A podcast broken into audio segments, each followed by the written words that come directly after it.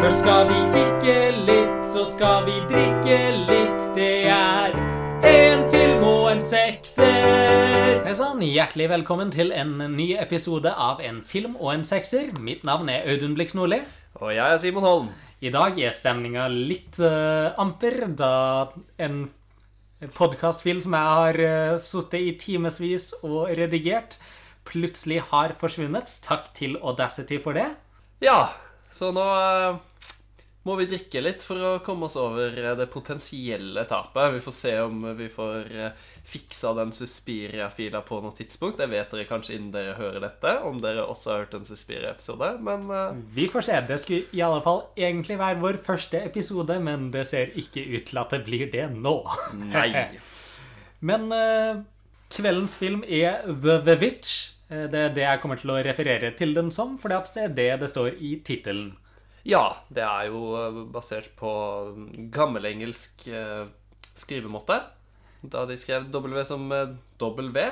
Nøyaktig. Og jeg tenker at vi skal respektere denne skrivemåten. Ja, la oss gjøre det. det Robert Eggers er jo veldig, veldig committed til dette gamle engelskspråket gjennom hele denne filmen, så det minste vi kan gjøre, er å være det, vi også. Så med det så tenker jeg at vi skal sette i gang med ukens episode The Vivitch. Så The Vivitch.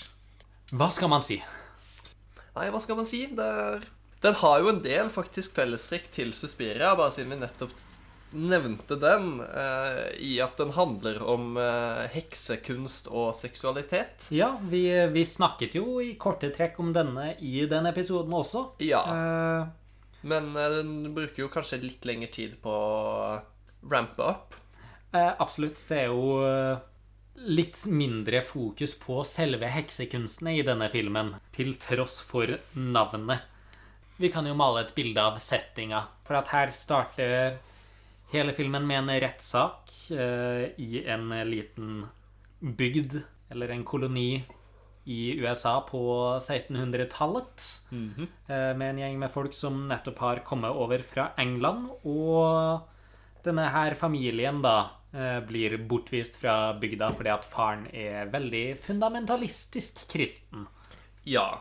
Og der setter standarden. De eh, flykter fra bygda og stikker og bygger seg en egen hytte oppe mot skogen, langt, langt unna byen. Ja, prøver å få et gårdsbruk i gang. Og lever et rent kristent liv der. The way God intended. Eh, Så absolutt. Så absolutt. Og her begynner det da å smelle. Eh, For man merker jo med en gang at eh, filmens protagonist, Thomasin, har lært av sin far og er veldig bekymra for skyld og synd og den slags. Vårt første ordentlige møte med hun er jo hun som sitter og ber, og ber Gud om å forlate hennes uh, synder. Og så tar hun eh, lillebroren sin, en eh, baby kalt Sam, med på en tur. Og mot skogkanten og leker litt eh, peekaboo, eller hva det nå enn kalles. ja, gjemmer seg bak hendene sine og gjør det et par ganger til eh, Sams store begeistring, før eh, han plutselig er borte. Plutselig borte. Peekaboo, where the fuck are you? Ja. Og så får vi se en heks fortære en baby. Ja, det skjer i løpet av de første fem minuttene i filmen. Ja. Så får vi se en eh, naken heks. Ja, vi får ikke direkte se hun kutte opp babyen, men vi får eh, se antydninger til det, og så at hun smører seg inn i eh, all gørra som kommer ut. Ja, så det, den starter jo med et brak der. Men så tar det litt tid før heksekunsten returnerer. Ja, og det blir den- jo et slags familiedrama. Ja, den er, Ganske ganske, den er ganske lavmælt etter det her, egentlig, i veldig, veldig lang tid. Noe av det første vi ser etter det her Vi merker jo at familien er i en sorgprosess, men det første vi er vitne til etter heksa smører seg inn i blod, er jo at Thomasins lillebror Caleb creeper på henne mens Ja. hun ligger der og sover. Det er et gjennomgående tema i filmen. Hun ligger der og sover og stønner litt. Man kan jo lure på hva hun drømmer om. Og da griper han sjansen til å stirre ned eh, skjorta hennes. Ja. Han er vel ikke stort mer enn eh, 10-11 år gammel? 12-13? Ja, noe der. Noe på, på vei inn i uh, hormonhelvete. Ja. Men fortsatt på vei inn. Prepubescent. Mhm. Så det Og det oppfattes jo Altså Egentlig så oppfattes jo denne scenen upassende på tre måter. For det første fordi han er ung. For det andre fordi hun er ung. Og for det tredje fordi de er søsken. Jepp. Det er triple threat of creepiness. Ja. Og det, det er ikke veldig behag behagelig å se på. Og det her er noe som skjer flere ganger i løpet av filmen. At eh, vi mm, gjennom hans øyne får noe ubehagelige blikk mot eh, denne unge Thomasin. Ja. Og ja, hva skal man si om det her? Altså, de bor jo langt unna alt annet. Det er jo bare kjernefamilien som er der. Han har liksom ikke mye annet å titte, titte på. Eh, og det, det må være noe veldig rart med å ha sin eh, seksuelle oppvåkning rundt bare sin nærmeste familie. Ja, og det er jo noe Altså, de problematiske aspektene ved dette later det jo til at han selv er klar over. Han eh, ber jo eh, Gud om å tilgi han, og han eh, ser bort, og han ekter aldri på sine impulser. Og han, det er jo også en scene hvor han er ute med faren sin i skogen og fortviler over eh, hva som ville skjedd hvis han døde nå. Her har han gjort nok til å frelses av Jesus, eller ville han gått til helvete? Slik som han antar skjedde med lillebroren Sam, som ikke ennå var døpt. Ja. Og i denne scenen så vil jeg ikke påstå at faren oppfører seg veldig betryggende overfor sin vettskremte sønn. Nei, det, det er jo gjennomgående i denne filmen at uh, Guds ord er hellig, og noe Og hans intensjoner noe uvisst. Og det er bare noe man må leve med, eller uh, la være å leve. Ja. Pretty much der, altså. For her er jo da far og sønn gått ut i skogen, selv om mor er veldig imot at noen av barna skal inn i skogen, for det var jo i skogen eh, de vemmelige hendelsene med Samuel forekom. Yes. Men de går inn der for å prøve å jakte ned noen dyr, da. For å skaffe seg litt mat. Ja, fordi maisen deres eh, ser ikke så fin ut. Så for at de skal komme seg gjennom eh, vinteren, mener faren, så må de eh, slakte seg noe føde. Jepp. Være skikkelig mannemenn der, altså. Gå rundt og drepe maten sin. Veldig tydelig macho-kultur som fremstilles av denne faren. De fleste scenene der han ikke kjefter på kvinner, så står han og hogger ved. Ja. Men eh, det går jo ikke som de håpte. Nei. De finner en kanin, men eh, børsa funker ikke. Den backfirer, vel. Rett inn i fjeset på far. Ja. Det gikk visst fint. Jeg forventa at dette skulle være bare en videreførelse av eh, familiens tragedier. At han var blind på det ene Ja. resten av filmen, eller noe sånt. Jeg Men så for meg noe sånt måtte skje der, for at altså Jeg antar Nå har jo jeg aldri tatt i et våpen i mitt liv, bortsett fra et luftgevær. Men jeg antar jo at det er litt krefter i det, så man skulle jo nesten tro at noe skulle ha skjedd annet enn at han ble litt skremt. ja, den, det traff visst ikke øyet, selv om det så sånn ut. For så fort han er tilbake på gården igjen, så går det tilsynelatende bra. Går tilsynelatende helt fint, har ingen, uh, ingen form for skrammer uh, i det hele tatt eh, etter denne uheldige opplevelsen. Men uh, når vi kommer tilbake til- gården, så blir vi presentert for en ny karakter. Eh, denne her Black Philip, som er et gjennomgående tema. Eh, og hvem er Black Philip, Simon? Black Philip er jo en geit. Det er en geit. En, Det er en, eh, en svart, mannlig geit Mm. med store horn. yes. Og de to nå yngste barna til Matthew og Catherine yep. De eh, tilsynelatende forguder denne geita. Går rundt og synger eh, Hva er det? Black Philip, Black Philip, a crown grows on his head. Jepp. King of Sea and Land, eller noe i den duren. Noe sånt. Philip, Black Philip, progress on his head. Black Philip, Black Philip, to Nanny Queen is wed. Eh, altså, ja, veldig glad i den her geita. Ja, noe som eh, jeg allerede da var litt overraska over at foreldrene ikke slo ned på.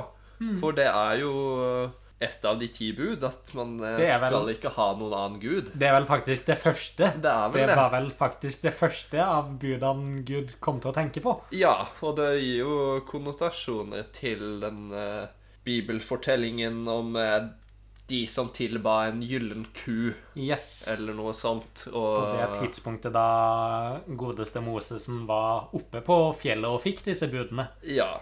Så Og det, de led jo en eh, tragisk skjebne.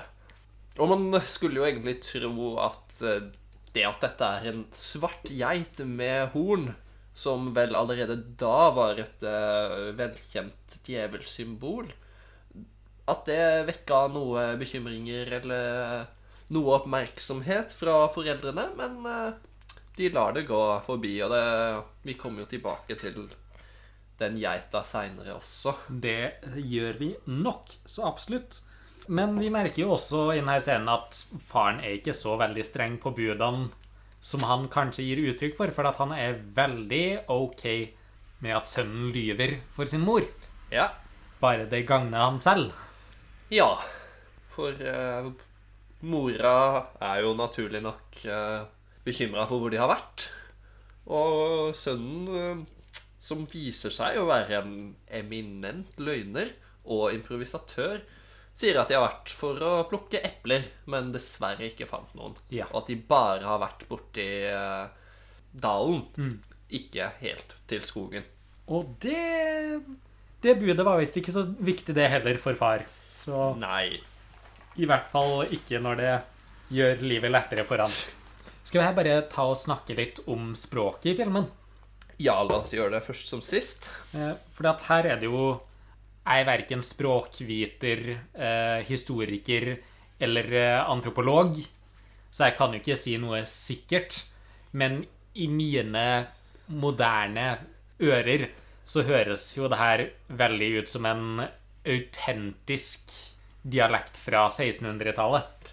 Ja, og det står jo også det på slutten av filmen at uh, veldig mye av dialogen er henta direkte fra historiske kilder, fra dagbøker osv. Så, videre. så det gir jo en ekstra følelse av autentisitet, selv om det ikke kommer før filmen er over. Og veldig mange av eh, skuespillerne i denne filmen er utrolig unge. De er såpass unge at du egentlig ikke forventer at de skal kunne spille ordentlig engang.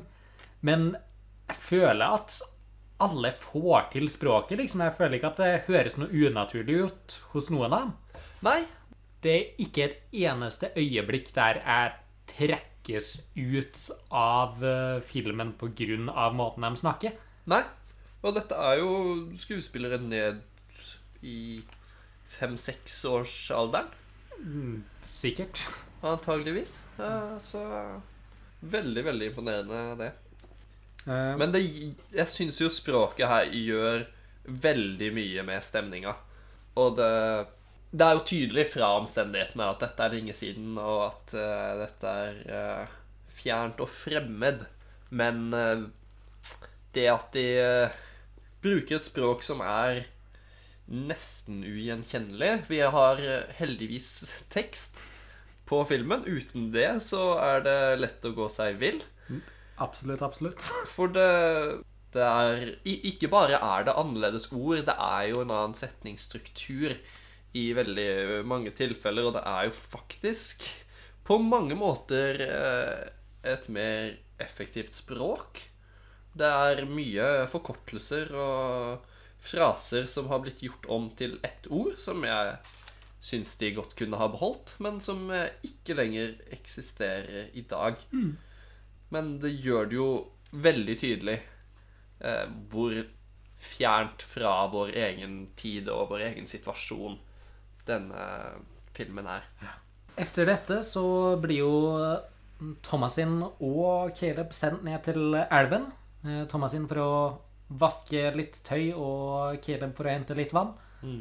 Og igjen så får vi dette her creepy young male gaze Ja. på gang. Flere shots av, eh, av Caleb sitt blikk mot sin søster. Ja, dette var jo før eh, BH-en ble oppfunnet, tilsynelatende. Så det er- er alltid en eh, Tilsynelatende alltid en eh, kløft å titte på. Og ja Han er, skammer seg tydelig, men han lar ikke være å se. Nei.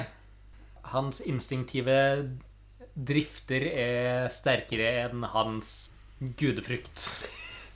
Ja. Som eh, Og hans, så mange eh, andre. og hans eh, familiebånd og den slags. Mm. Og så kommer vi til eh, det notatet her skrevet, at Mercy er en liten bitch. Mercy er en av de to unge barna.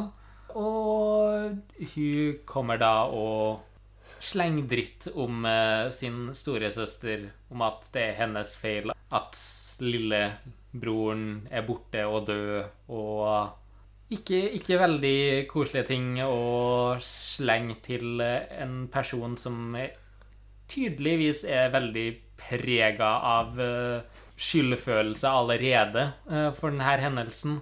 Nei, og hun gjør jo også sin entré i denne scenen ved å gjemme seg og creepe seg inn på sine to søsken. Eh, Så veldig lite sensitivitet fremvist av eh, vesle Mercy. Men det viser jo det jeg alltid har sagt, at små barn er forferdelige mennesker. Ja, hvis man skal ta denne filmen som evidens, så stemmer det. Ja, De har vel ikke helt utvikla det vi i bransjen kaller empati eh, ennå. Og ja, bare forferdelige, forferdelige mennesker. Ja. Beklager til min mor og far for min barndom, der jeg sikkert også var en liten dritt. Uansett. Ja, dette leder det jo inn på de forskjellige teoriene de har om, at, om, om Sams forsvinnelse. Om det var eh, Eller og hovedspørsmålet viser seg å være Var det en ulv, eller var det en heks? For uh, Caleb og faren er jo insistente på at dette var en ulv. Faren påstår at han har sett spor etter det, så det er det som gir mening. Mens eh, Mercy og Jonas virker, altså tvillingbroren til Mercy, virker eh, veldig innstilt på at dette var en heks. Ja. Og det, det leder de jo også til å beskylde Eller leder Mercy til å beskylde Thomasin for å være denne heksa. Noe hun eh, Spiller litt med på. Ja, hun benekter ikke det. Nei. Og Hun- det fikk meg jo til å tenke nå, Det her er jo andre gangen jeg ser denne filmen, og det jeg tenkte var jo Høm! Ja. Er det, er det noe i det her?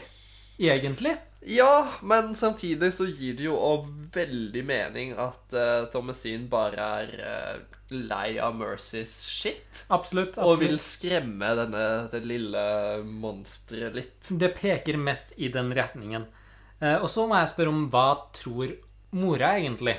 Fordi at i en etterfølgende scene, den skikkelig, skikkelig ubehagelige middagsscenen, og er det noe poeng i å ha en scene i en film der folk sitter seg ned og spiser sammen hvis den ikke er skikkelig, skikkelig ubehagelig? Nei.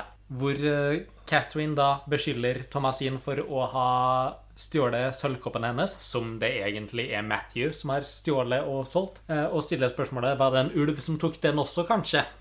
Ja. Så man må jo lure på hva Catherine sine teorier er i denne ja. sammenhengen. Alt vi vet om Catherine på dette tidspunktet, er jo bare at hun hele dagen tilsynelatende ligger i senga si og ber. Ja. Ber for uh, vesle Sam sin sjel.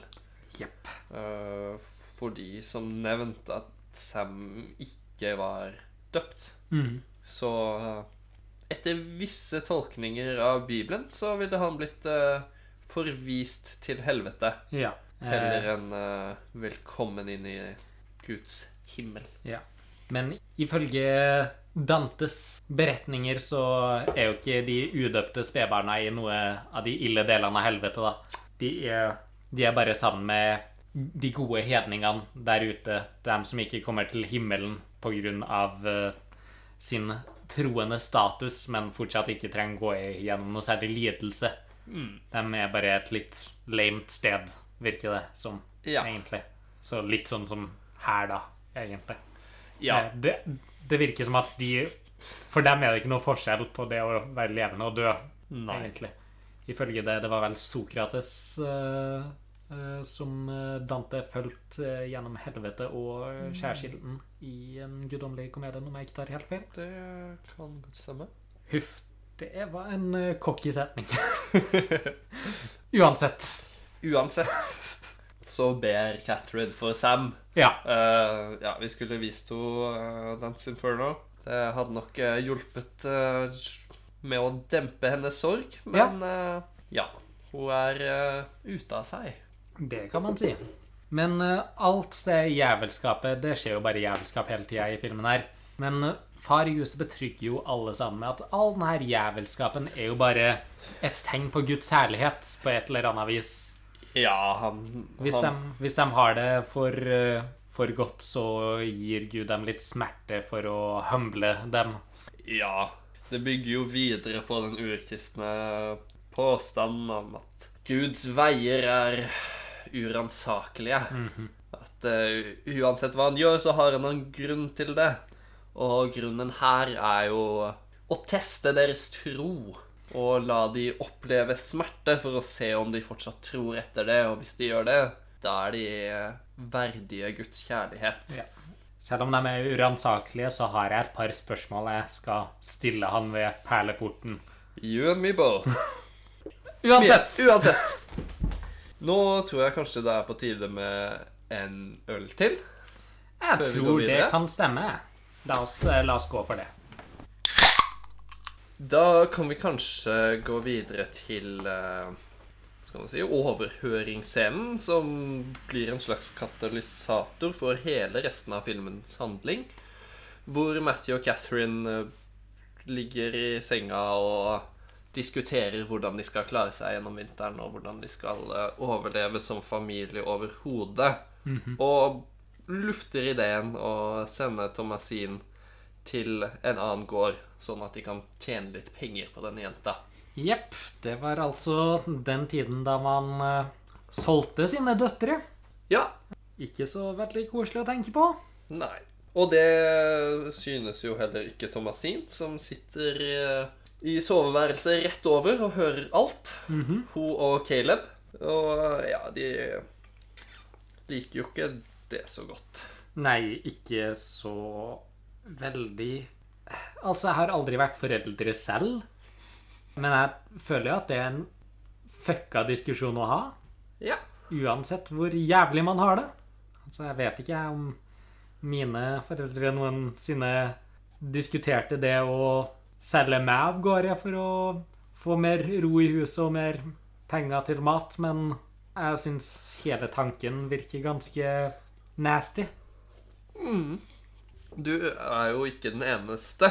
Nei. For Caleb overhører dette og tenker Nå skal jeg faen meg redde dagen.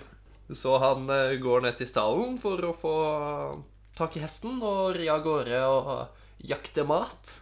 Men eh, Thomasin oppdager han jo, og klarer å overtale han til å la henne bli med.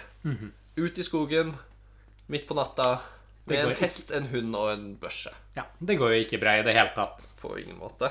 Nei, fordi at uh... De finner jo først en eh, kanin som har gått i en felle. Ja. Så det er uh, ett poeng, og så finner de en kanin til. Men den er i live. Og uh, Det er vel samme, er ikke det samme kaninen, eller antydes at det er samme kaninen som, eh, som Matthew prøvde å skyte tidligere. det Eh, ligner i hvert fall veldig. Galt. Den er jo Den kommer jo igjen et par ganger, og den Ja. er jo alltid et tegn på at noe snart kommer til å gå galt. ja, den er jo muligens et sendebud fra Satan selv. Det kan jo være det. Det antydes i hvert fall heftig. Ja. Så Caleb går etter denne med børsa si, og Thomasin er igjen med hesten. Hesten blir gal, mhm. noe sånt.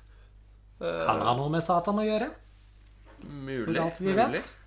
Rister uh, Thomasin av seg, og hun faller til bakken. Blir bevisstløs. Og Caleb forviller seg, eller det, det er jo litt uklart om han går med vilje, eller om han allerede nå er eh, forhekset. Men han går i hvert fall uh, til heksas hytte. Skogsheksas eh, hjemsted.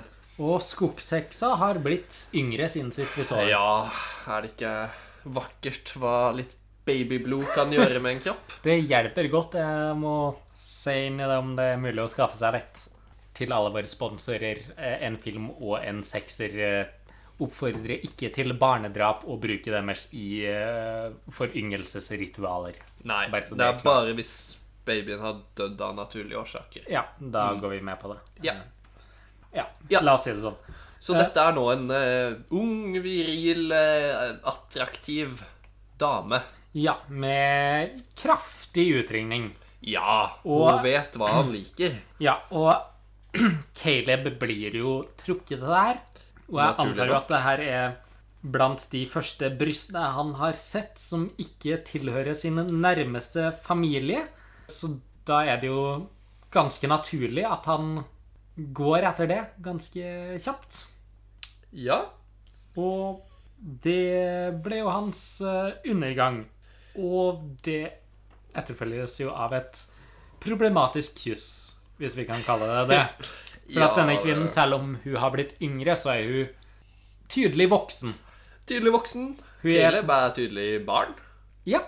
Men dette gjør ikke noe i denne sammenhengen, og vi får et kyss. Og det her er jo andre filmen vi ser der en voksen kysser et barn, hvis vi ser tilbake til Wet Hot. Ja. Mye, mye, mye hekser og mye voksne som kysser barn i de filmene vi tar for oss. Ja, det er. Har vi et problem? Nei. Nei. Da slår vi den død og diskuterer ikke det noe mer. Nei. Men det er jo Følg det med siste neste gang når vi tar for oss A Serbian film. Dette er jo da det siste vi ser av Caleb på en stund. Ja.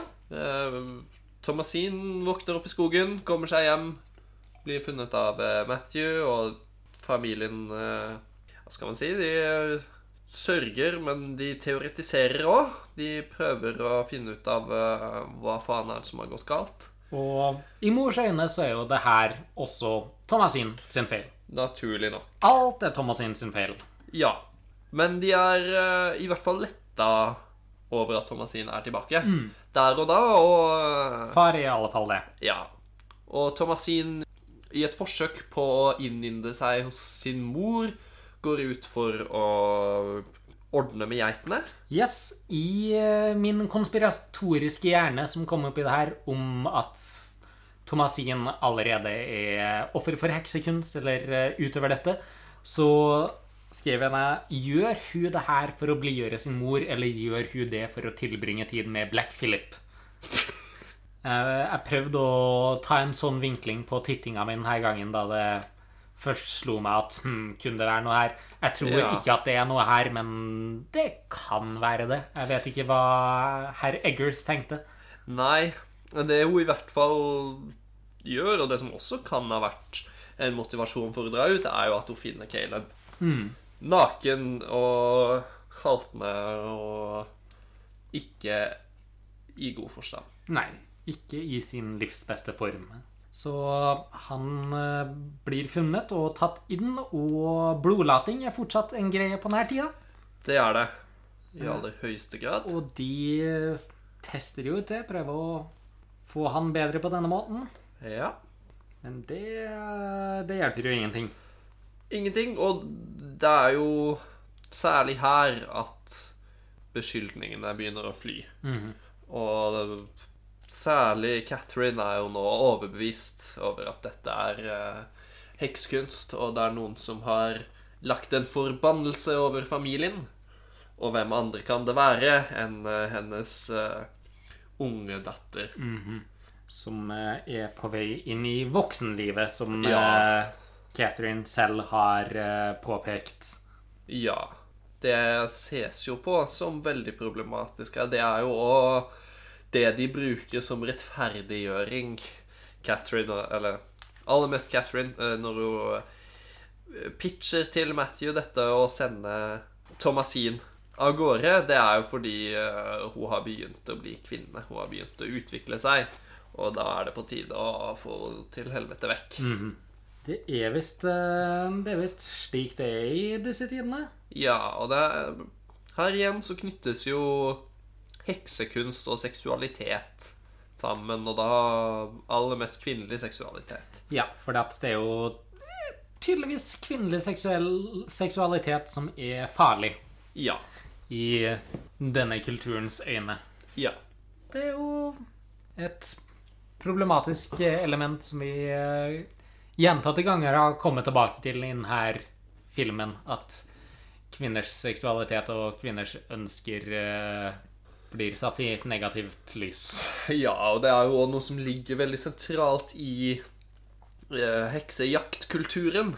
At eh, Det er vel i hvert fall noen av de fremtredende teoriene at de som ble kalt hekser, var blant annet de som hadde seksuelle lyster, eller mm. hadde Hva skal man si? Be begikk eh, seksualforbrytninger i gammeldags forstand. Ja. Som vil si å være en kvinne og ha sex med noen de ikke er gift med. Ja, hva var det? Det var kvinner som hadde sex utenfor ekteskap, og homofile. De var hekser. Ja. For det aller meste. Eh, hvis du hadde sex med noen du ikke var gift med, og sexen ikke var i misjonærposisjon, så var du en heks. ja. Så det var da den tiden. Ja, og denne filmen spiller jo ikke like sterkt på det aspektet som f.eks. Suspiria gjorde, men det er fremdeles en relevant budskap her, eller en relevant faktor i eh, fordømmelsen av Thomasin. Det som følger, er jo en av de mer intense sekvensene jeg har sett på lang, lang tid. Eh, hvor de Hele familien er samlet på rommet der Caleb ligger syk og holder på å forgå. Hvor Og- han for så vidt også hoster opp et eple.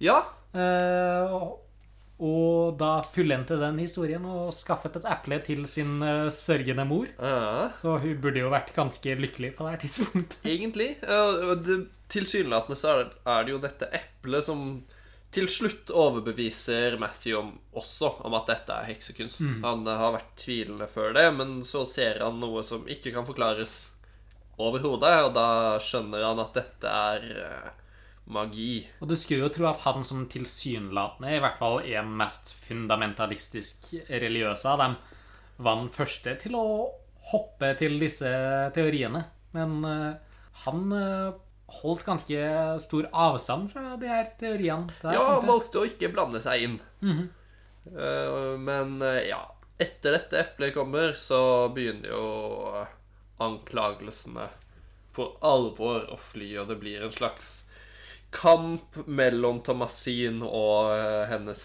uh, Altså tvillingparet, som er hennes yngre søsken, om hvem som egentlig er heksa. For Mercy tar opp det Thomasin sa til Tove elva og avslører at Thomasin har kalt seg selv en heks, og antageligvis er en heks. Og Thomasin prøver sitt beste å forsvare seg mot uh, dette, og til slutt kommer inn på at både Mercy og Jonas, broren, tilber jo en geit. Mm. Og de sier at denne geita snakker til dem. Og for så vidt så har jo også Mercy borte ved elva sagt at hun er skogheksa. Mm. Så hvorfor skal ikke hun være skyldig? Men eh, ja, det er jo de her som snakker med geita. Det er jo hovedpoenget. Ja. Denne scenen kulminerer jo i at spesielt, eller hovedsakelig Catherine og Matthew sitter ved siden av senga og ber for harde livet. Ja, altså Thomasin ber jo en god del, hun også. Ja, De to, de to kidsene derimot, de har glemt alle bønnene sine. Alt sammen Eh, og, og når eh, bønnen begynner å tales, så går jo dem inn i en slags transe av noe slag. Ja. Så det virker jo veldig som at de eh, reagerer sterkt på bønnen, som med min kjennskap til eh, Possession-filmer i hvert fall er et ganske klart tegn på at de har noe Satan inni seg. ja. Og tilsynelatende så fungerer denne bønnen. Fordi Caleb reiser seg opp og begynner å be selv. Eh, han ber og han ber for harde livet med tro og overbevisning. Og overgir sin sjel og sitt legeme til Gud. Ja. Før han Faller om død. Ja. Og dette er det jo ingen som setter pris på. Nei, mer merkelig nok. Ingen liker å se døde barn her Nei. i familien. Men de er fortsatt så splitta når det kommer til hvem som faktisk har skylda. Hvem som egentlig er heksen. At uh, Matthew kommer frem til at den, det eneste logiske å gjøre er å låse inne alle de levende barna med geitene for Ja. natta. Og så ser han situasjonen. Men før det så tar han jo Thomasin ut og beskylder hun for det her. Ja. Og her kommer vi jo til en fantastisk konfrontasjon der Thomas sin endelig står opp mot sin far. Han står Ja. opp for seg selv og sier at hei, du er dårlig til det her, og du er en hykler. Du klarer ikke å holde dine egne bud, men krever så jævlig mye av oss. Skal ikke du kanskje skjerpe deg? Ja. Jeg er ikke noe jævla heks. Kan ikke du bare bli bedre til å gro mais og jakte på dyr? Så hadde vi ikke hatt de her problemene. Hmm. En ganske tøff eh, monolog for en eh, ung kvinne på denne tiden, altså. Ja. Må man, eh, må man si. Aha. Satt, eh, satt stor pris på den, og han tar seg veldig nær av det her. Han gjør Eh, her kommer eh, Her blir machofølelsene hans såra. Eh, Til eh, aller største grad. Så da konfronterer han både Thomasin og tvillingene med Hei, er dere hekser? Jeg tror at minst én av dere er hekser. Så nå skal jeg stenge dere inne med geit- geiteren for natta. Ja. Det går ikke så bra. Men mens det her skjer, så tar jo også faren Det virker som han har tatt til seg det Thomasin sier.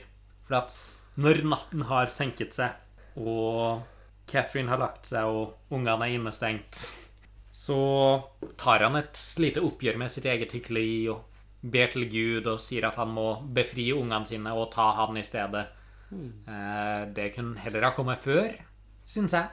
Hjelper lite når ting har gått så gærent. Ja. Eh, han gir det et forsøk. Jeg vet ikke hvor mye, hvor mye creds vi skal gi han for det. Nei, eh, noe, men ikke mye. Altså, det, det hjelper ingenting, for å si det sånn. Nei, han, det går jo litt igjen med denne karakteren at han virker jo som han har gode intensjoner. Ja, han, Men uh, han er ikke så god til å handle i tråd med disse. Nei. Så er det en litt fucka sekvens som følger. Ja, en fantastisk fucka sekvens. Helt nydelig. Og jeg hadde helt glemt denne sekvensen fra første gang jeg så denne filmen. Så det kom som et sjokk for meg, og jeg elska det. Ja, ja for uh, ute i låven så ser vi jo barna som eh, møter heksa. Men eh, før vi ser heksa, så ser vi hva heksa har gjort. Som er å prosjektere de to eh, døde sønnene til eh, Catherine foran henne. Og Catherine omfavner de og bemerker seg jo at Sam er sulten. Og Sam er jo et spedbarn, og hva er mer naturlig for et spedbarn å spise enn pupp? Nøyaktig. Det er sånn spedbarn opptrer. Men filmens store høydepunkt kommer jo her, for at det viser seg at det ikke er et spedbarn som hakker løs på dette brystet, eh, men en ravn. Ja. Det, det er ikke ofte jeg blir sjokkert av filmer lenger, fordi at jeg har utsatt meg selv for uh, groteske ting siden jeg var på Caleb sin alder. Men fy faen, det, det gjorde noe med meg, altså. Ja, Det gjorde noe med meg som jeg bare trodde at Ari Aster kunne få til.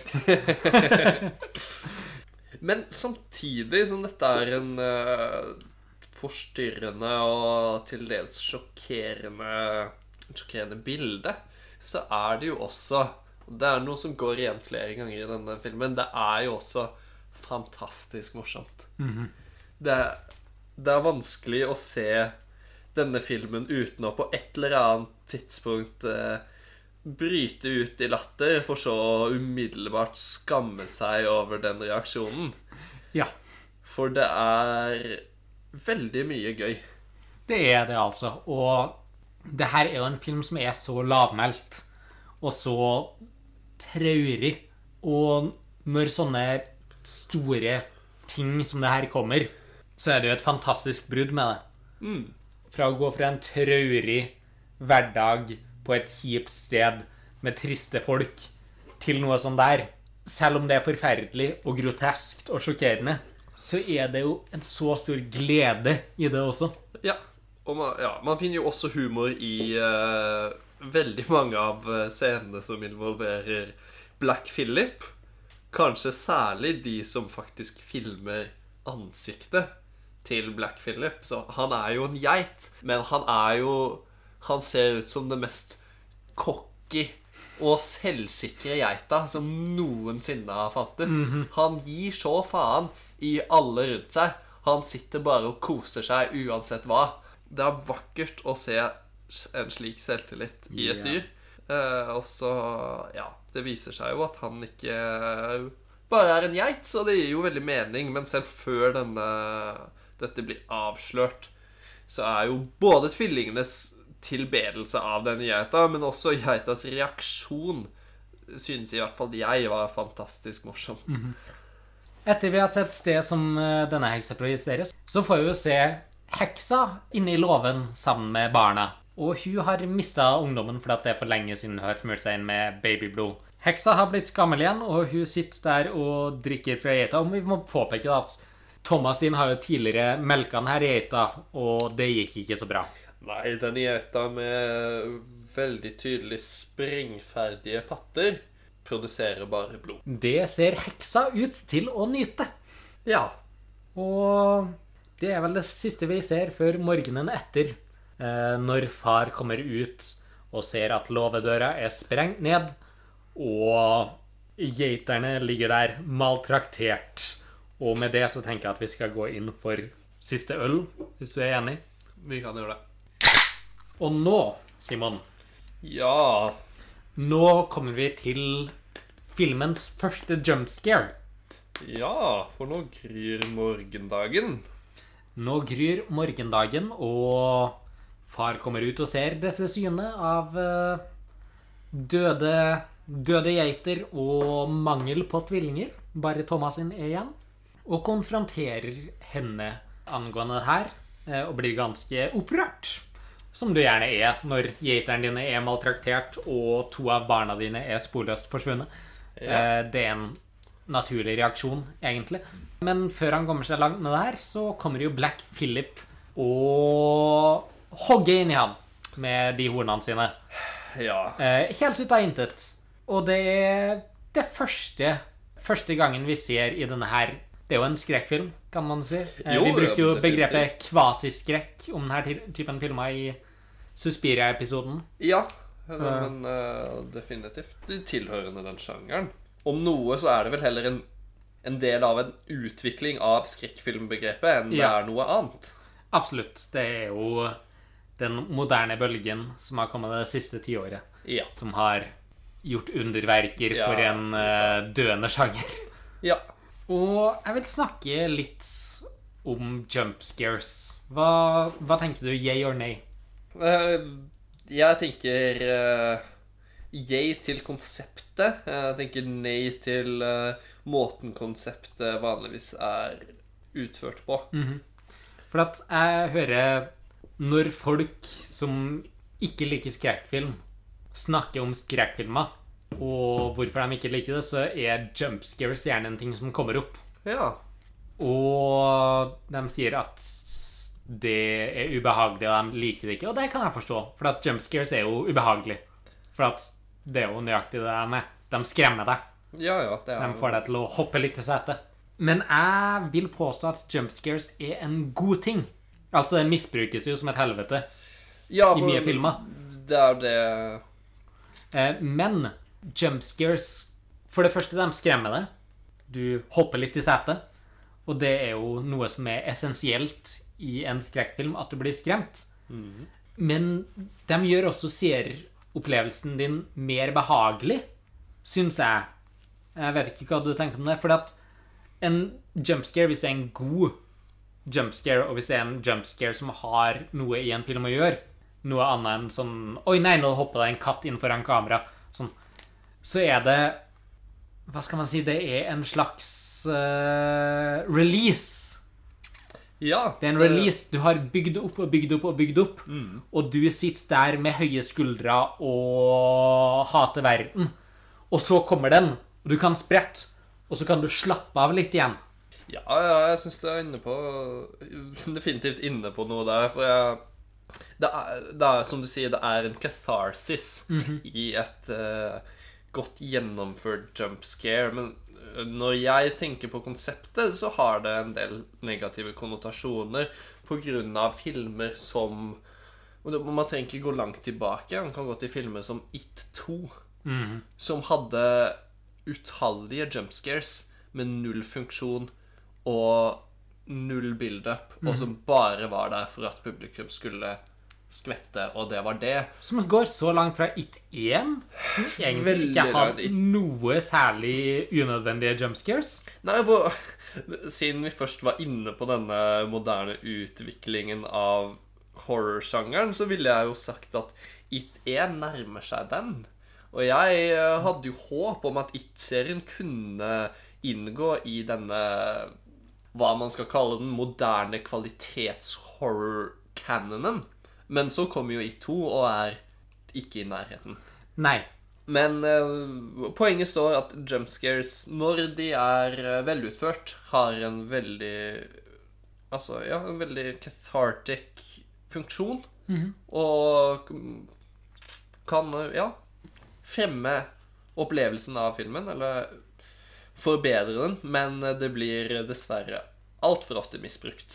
Og Absolutt. brukt som en eh, slags eh, billig skremmemekanisme, hvor det bare er å si 'bø', og så Yes, det er en skrekkfilm. Og det er nøyaktig det. Du må rettferdiggjøre din jumpscare. Mm. Og i denne filmen så har det vært en Hva er det? 1 time og 5 minutter, eller 1 time og 20 minutters build-up til denne jumpscaren. Mm. Og jeg tør påstå at The The Witch rettferdiggjør sin ene jump scare. Ja, det er jeg veldig enig i. Ja, altså, jeg syns eh, selv om moderne horror gjerne er bedre på det her, så syns jeg det er overraskende å se en skrekkfilm som både er en skrekkfilm og promoteres som en skrekkfilm, faktisk unnlater jumpscares helt frem til helt på slutten av filmen. Ja. Og denne Denne jumpscaren, bare for å stadfeste det helt nøyaktig, den oppnår jo de to tinga som gjør eh, en jumpscare både effektiv og tilfredsstillende. Som er at den er overraskende, men den gir mening. Den er ikke forutsigbar, men den er ikke umulig å forutse. Og den reliever spenningen i scenen. For at denne scenen har jo handla om konfrontasjonen mellom Matthew og Thomasin, og man er veldig bekymra for Thomasin sin helse. Og med denne jumpscaren så forsvinner denne spenninga. Ja. Matthew blir slakta av en geit. Yes. En eh, god, gammeldags eh, rollebytte. Slakta av bukken der, altså. Ja, Og så kommer jo Catherine ut og igjen legger skylda på Thomasin. så klart. Det er Thomasin sin skyld. skyld. kan man gjøre? Selv om djevelen står noen meter unna, så er det Thomasin sin skyld. Og Catherine tar da og angriper sin datter. Ja. Prøver å drepe henne. Ja. Eh, Men Thomasin har da funnet ut at Thomasin har der funnet ut at det budet om å hedre sin far og mor, det stemmer ikke, det stemmer ikke i alle tilfeller, så hun griper da tak, tak i en sigd som ligger ved siden av, og hugger inn i fjeset på mora si til hun dør. Ja, og det er jo litt Jeg, jeg liker veldig Ja, jeg, jeg liker det veldig godt, fordi det viser jo det som jeg syns burde stå i parentes bak alle de ti buda, eh, som er eh, noe som med mindre de gjør det mot deg først. Hedre din far og mor, med mindre de ikke hedrer deg. Da kan du drepe de. Yes. Det, og det gjør hun. Og det, det er fortjent på dette tidspunktet, fordi at Catherine har vært en bitch. Ja. Jeg mener, ja, jeg forstår at du har mista barna dine, og det er traumatisk og ille, men ikke la det gå utover de andre barna dine. Nei. Og har jo òg Jeg føler nesten begynte å bli typecasta nå som en sånn fortvila, men ukvalifisert mor. Etter hennes opptreden her og i Game of Thrones, hvor hun har en eh, nesten identisk rolle. Men som hun spiller helt fantastisk i begge tilfeller. Ja, kan også ta inn i det der at mora slenger jo inn her scenen dritt etter Thomasin på grunn av måten Caleb så på henne. Da altså victim blaming for at uh, hennes bror creepa på henne. Ja, og de det spiller jo òg igjen inn i antikvariske tolkninger av uh, kanskje særlig voldtekt. At uh, kvinner som har blitt voldtatt, har fått skylda. Uh, og nå snakker jeg ikke om sånn moderne tolkninger av victim blaming, selv om det er helt jævlig, men at jenter som har blitt voldtatt, har blitt tatt livet av fordi de har hatt sex utenfor ekteskap. Og nå har jeg ikke definitive eksempler på det, men man kan jo godt tenke at voldtatte kvinner har blitt anklaget for å være hekser Ja. fordi de har hatt sex med noen utenfor ekteskap. Men det er jo Ja, du sier at det går utafor moderne victim blaming, men det er jo noe vi bare kan trekke inn i det. At Definitivt. at hvis man finner en grunn til å beskylde kvinnen, uansett hvor latterlig den er, så er det en gyldig grunn. Ja. Uh, uansett om det er fordi at uh, hun var kledd på en viss måte, så har hun bedt om det, eller hvis hun opptrådte på en viss måte, så har hun bedt om det, eller hvis hun eh, skulle vise seg å være transkvinne, så har hun bedt om det, eller hva faen det nå enn skulle være. Så selv om vi liker å tro at vi har kommet oss videre fra disse tider, så eksisterer den kulturen i beste velgående i dag. Ja, det gjør den. Så kan vi bare si at vi skal drepe voldtektskultur. Please. Ja, og det gjør jo også Thomasin. eh, ved å Drepe sin mor. talt eh, drepe den personen som eh, prøver å victimblame. Mm. Og det er jo også en slags et øyeblikk av eh, frigjørelse her. Og det, det høres jo ganske makabert ut i utgangspunktet, men i kontekst av filmen så er jo dette Vakkert. Det er vakkert. Det er en sånn tilfredsstillelse for henne, for hun har Hun har hatt et uh, kjipt, men OK liv. Og hun har gjort alt fucking rett for de har underkasta seg som bare Ja. satan til alt de sier. Og underkasta seg og underkasta seg og underkasta seg, selv om det går vidt Helt vidt imot sine egne interesser. Men alt som hun har fått igjen for det, alle som setter pris på henne, alt hun har å vise til, det er borte. Det eneste hun sitter igjen med, er sin mor, og jeg tror eh, hvis Thomasin hadde tilgitt sin mor og prøvd å leve sammen med henne, så hadde det gått to hell in a handbasket, som man sier på engelsk. Det hadde ikke endt godt. Nei. Så det at hun faktisk står opp for seg selv, det at hun her eh, Mens hun kveles av sin egen mor, eh, klarer å drepe henne tilbake.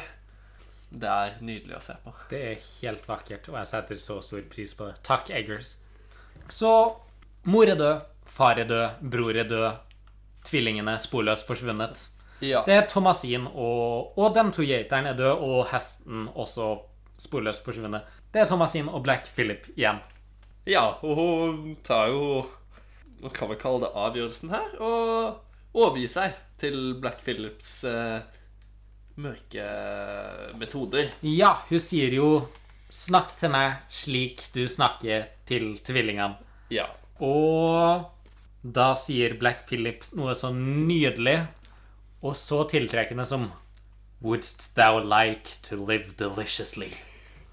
Uh, en helt nydelig linje. Og la meg bare si her at jeg er så glad for at de i denne scenen ikke gjorde noe så teit som å prøve å få det til å se ut som en geit snakka, men bare hadde geita offscreen fram til den ble til en menneskelig manifestasjon av Satan. Ja, det, det, er, det var enda godt. Ja, for det er mange som hadde kommet til å tatt det valget om å gjøre noe CGI-shit med at geita snakka. Ja. Eh, og Det det hadde hadde ødelagt alt. Veldig teit. Det hadde ødelagt alt, så nok en gang takk, Eggers. Eh, takk, Eggers, for at du unnlot det.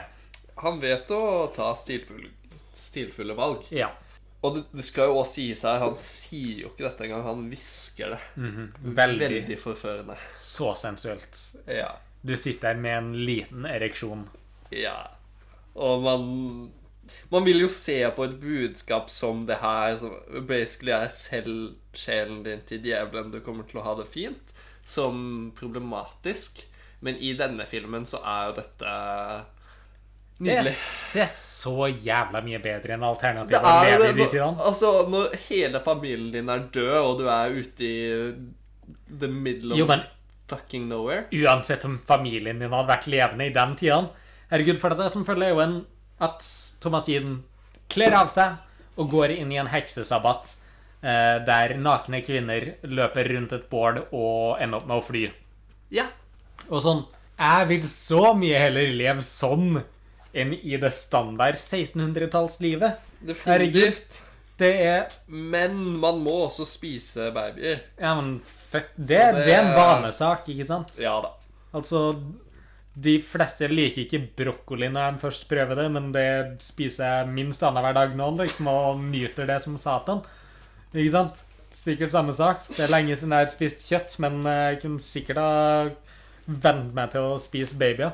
Vi får anta at eh, det er sånn det fungerer for mm. Og vi ser jo aldri noen spise en baby. Hun smører seg bare inn i babyblod.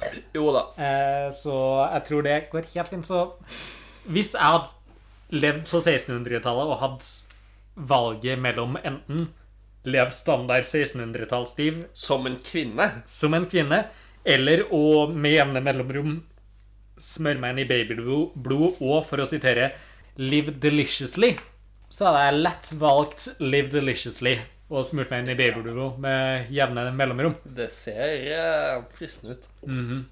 Lett valg. Ja. Så det er filmen, og det er en, det er en deilig film. Det er det. Og det, det er jo en mørk slutt, men eh, jeg satt fortsatt igjen med et smil. Jeg syns Personlig så syns jeg det er den beste avslutninga de kunne ta. Definitivt. Jeg syns ikke det hadde vært noe mer positivt å gå tilbake til det standardlivet, liksom. Nei, nei, nei. På ingen måte. Eh, men litt om filmen generelt. Fargepaletten her. Ja. Fy faen. Så blast og kjipt. Ja, det er jo eh, ikke mye fristende, og det Jeg syns jo det er aller best typifisert av de få gangene denne filmen avviker fra fargepaletten, som er Heksa sin røde kåpe. heksa sin røde kåpe, men også eh, den scenen hvor eh, Catherine egentlig møter på en ravn, men hvor eh, Caleb står med Sam i en rød bylt. Så, hvor det da bare Jeg vet ikke, ja. Det, det ser så mye vakrere ut når det er i ekstrem kontrast til resten av filmen. Og det er jo Fargen rød er jo noe som veldig ofte brukes aktivt i heksefilmer. Og her eh, unngår han jo det.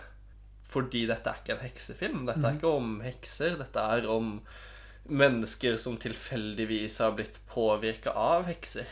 Og ja, det, det gjør jo at hele filmen ser helt jævlig ut. Ja. Det, det, ingen kan se denne filmen og få lyst til å leve på 1600-tallet. Med mindre man er en heks. Men det er noe som skjer en del i denne moderne bølgen. Jeg mener, denne filmen, eh, brorparten av Suspiria, Ja. It Follows The Nightingale har også samme Det er jo Det er en film jeg tenkte en del på, fordi det er jo ikke en Ikke egentlig en skrekkfilm. Det er Men det er Den er regissert av eh, Jennifer Kent, som regisserte The Babadook. Som også er en film som inngår i denne moderne Mhm. Absolutt. uh, horror cam. Og også har en del av det samme eh, Definitivt. med hva fargepalett eh, Ja. og stemning angår. Men Nightingale har det enda mer, for det, og det, den tar sted i Australia på lurer på om det er tidlig 1800-tallet. Mens Eller, nei. Når det fortsatt er en fangekoloni. når det liksom. fortsatt er en fengselskoloni. Og det, det er jo Det er flere voldtektsscener i The Nightingale enn det er i alle filmer jeg har sett til sammen i år. Uff. Det er, og det er jo ikke ekstremt mange, men det er i hvert fall tre eksplisitte voldtektsscener i den filmen. Så det er ikke en skrekkfilm, men det er en jævlig film å se på. Eh, og så har jeg jo flere ting faktisk til felles med The Witch. Eh, da også fargepaletten. Så tenkte jeg kanskje at jeg skulle nevne den her musikken i filmen. Ja. Egentlig hele lydbildet. Ja, sånn i sin hel For det, er det som er av musikk i filmen, det er sånn Kan det Altså, nå skal jeg ikke Altså, jeg skal ikke si at noe er musikk og noe ikke er musikk, men jeg føler at funksjonen det har i denne filmen, er ikke som filmmusikk. Nei, og det, det er Altså- jo så mye umusikalsk ved lydsporet. Det er jo prega av Det er prega av veldig små ensembler, hovedsakelig strykere, av og til noe kor, og egentlig ikke noe melodiske linjer eller harmoni. Det er kun egentlig strykere og av og til et kor som legger seg i dissonanser overfor hverandre. Dem, det er ikke hyppig brukt, og det dukker opp, bare opp for å underbygge en jævlig kjip stemning. Ja. Det, ja, det er strykere som ligger i eh, dissonante harmonier for det aller meste når det først dukker opp, og det er Ja. Ja, og det, den bruker jo også faktisk eh, ikke-diegetisk lyd til å underbygge stemningen eller vekke en reaksjon i publikum. Det er noen sånne Jeg vet ikke hvordan man skal beskrive det, men noen klikkelyder og litt Litt lyd som tydelig ikke kommer fra filmen selv, men som heller ikke kan kalles musikk. Som er veldig effektive, i hvert fall på meg. Alt i alt et veldig effektfullt og forstyrrende, men ekstremt kult lydbilde. Vi kan jo også bare nevne naturen og dens rolle her, for det det lille som fremstilles som vakkert i The Vevich, det er naturen. Og det her eh, ser man helt fra begynnelsen. I eh, åpningssekvensen så er det noen sånne fantastiske naturshots. Og skogen ser jo veldig mye mer innbydende ut enn det gården til eh, hovedfamilien gjør. Absolutt. Altså, skuddene fra utsida eh, fremstilles som faretruende an, men når du først er inne der, så er det så mye vakrere enn alt annet du ser i filmen. Ja, det, det er livlig, og det er fargerikt, og det er, det er bare pent. Og det er det veldig lite annet som er i denne filmen. Alt annet enn skogen er egentlig veldig, veldig kjipt. Alt annet enn skogen og elva. Ja. Det meste av det som skjer i filmen som er koselig, skjer jo i skogen eller ved elva. ja. Alt som skjer på gården, er bare traurig. Og så helt til slutt så vil jeg gå til et overordna dramaturgisk nivå og trekke en link til Ari Asters Hereditary. Slå deg løs. Fordi denne har jo en lignende oppbygning til Hereditary. Fordi filmen blir kalt en skrekkfilm, og er en skrekkfilm. Men skrekken lar seg vente. Det er Den første halvdelen av denne filmen er et familiedrama. Og ikke bare det, men et familiedrama som sentrerer seg rundt tap. Og det deler den med Hereditary. Hereditary sentrerer seg i første omgang rundt tap av en bestemor, og så et enda større tap, som vi kanskje skal la være å spoile her. Men Altså, som, det går greit. Det er et, spa, et tap av et barn. Ja, og Eh, Det har mye til felles. Vi kan ta Hereditary en gang senere også. Ja, det, det tror jeg nok vi må. Men det er ekstremt effektivt fordi denne vinklingen på et familiedrama som handler om enten tap av et barn eller potensielt tap av et barn, har blitt brukt i skrekkfilmer veldig lenge. Eh, Det mest fremtredende eksempelet er jo kanskje 'Eksorsisten'. Ja. Hvor, som også er et familiedrama, nesten mer enn det er en skrekkfilm. Eksorsisten, uh, Rosemary's Baby, Ja, uh, The Omen, for så vidt. definitivt. Eh, Satan-trilogien, da, fra gamle dager. Mm.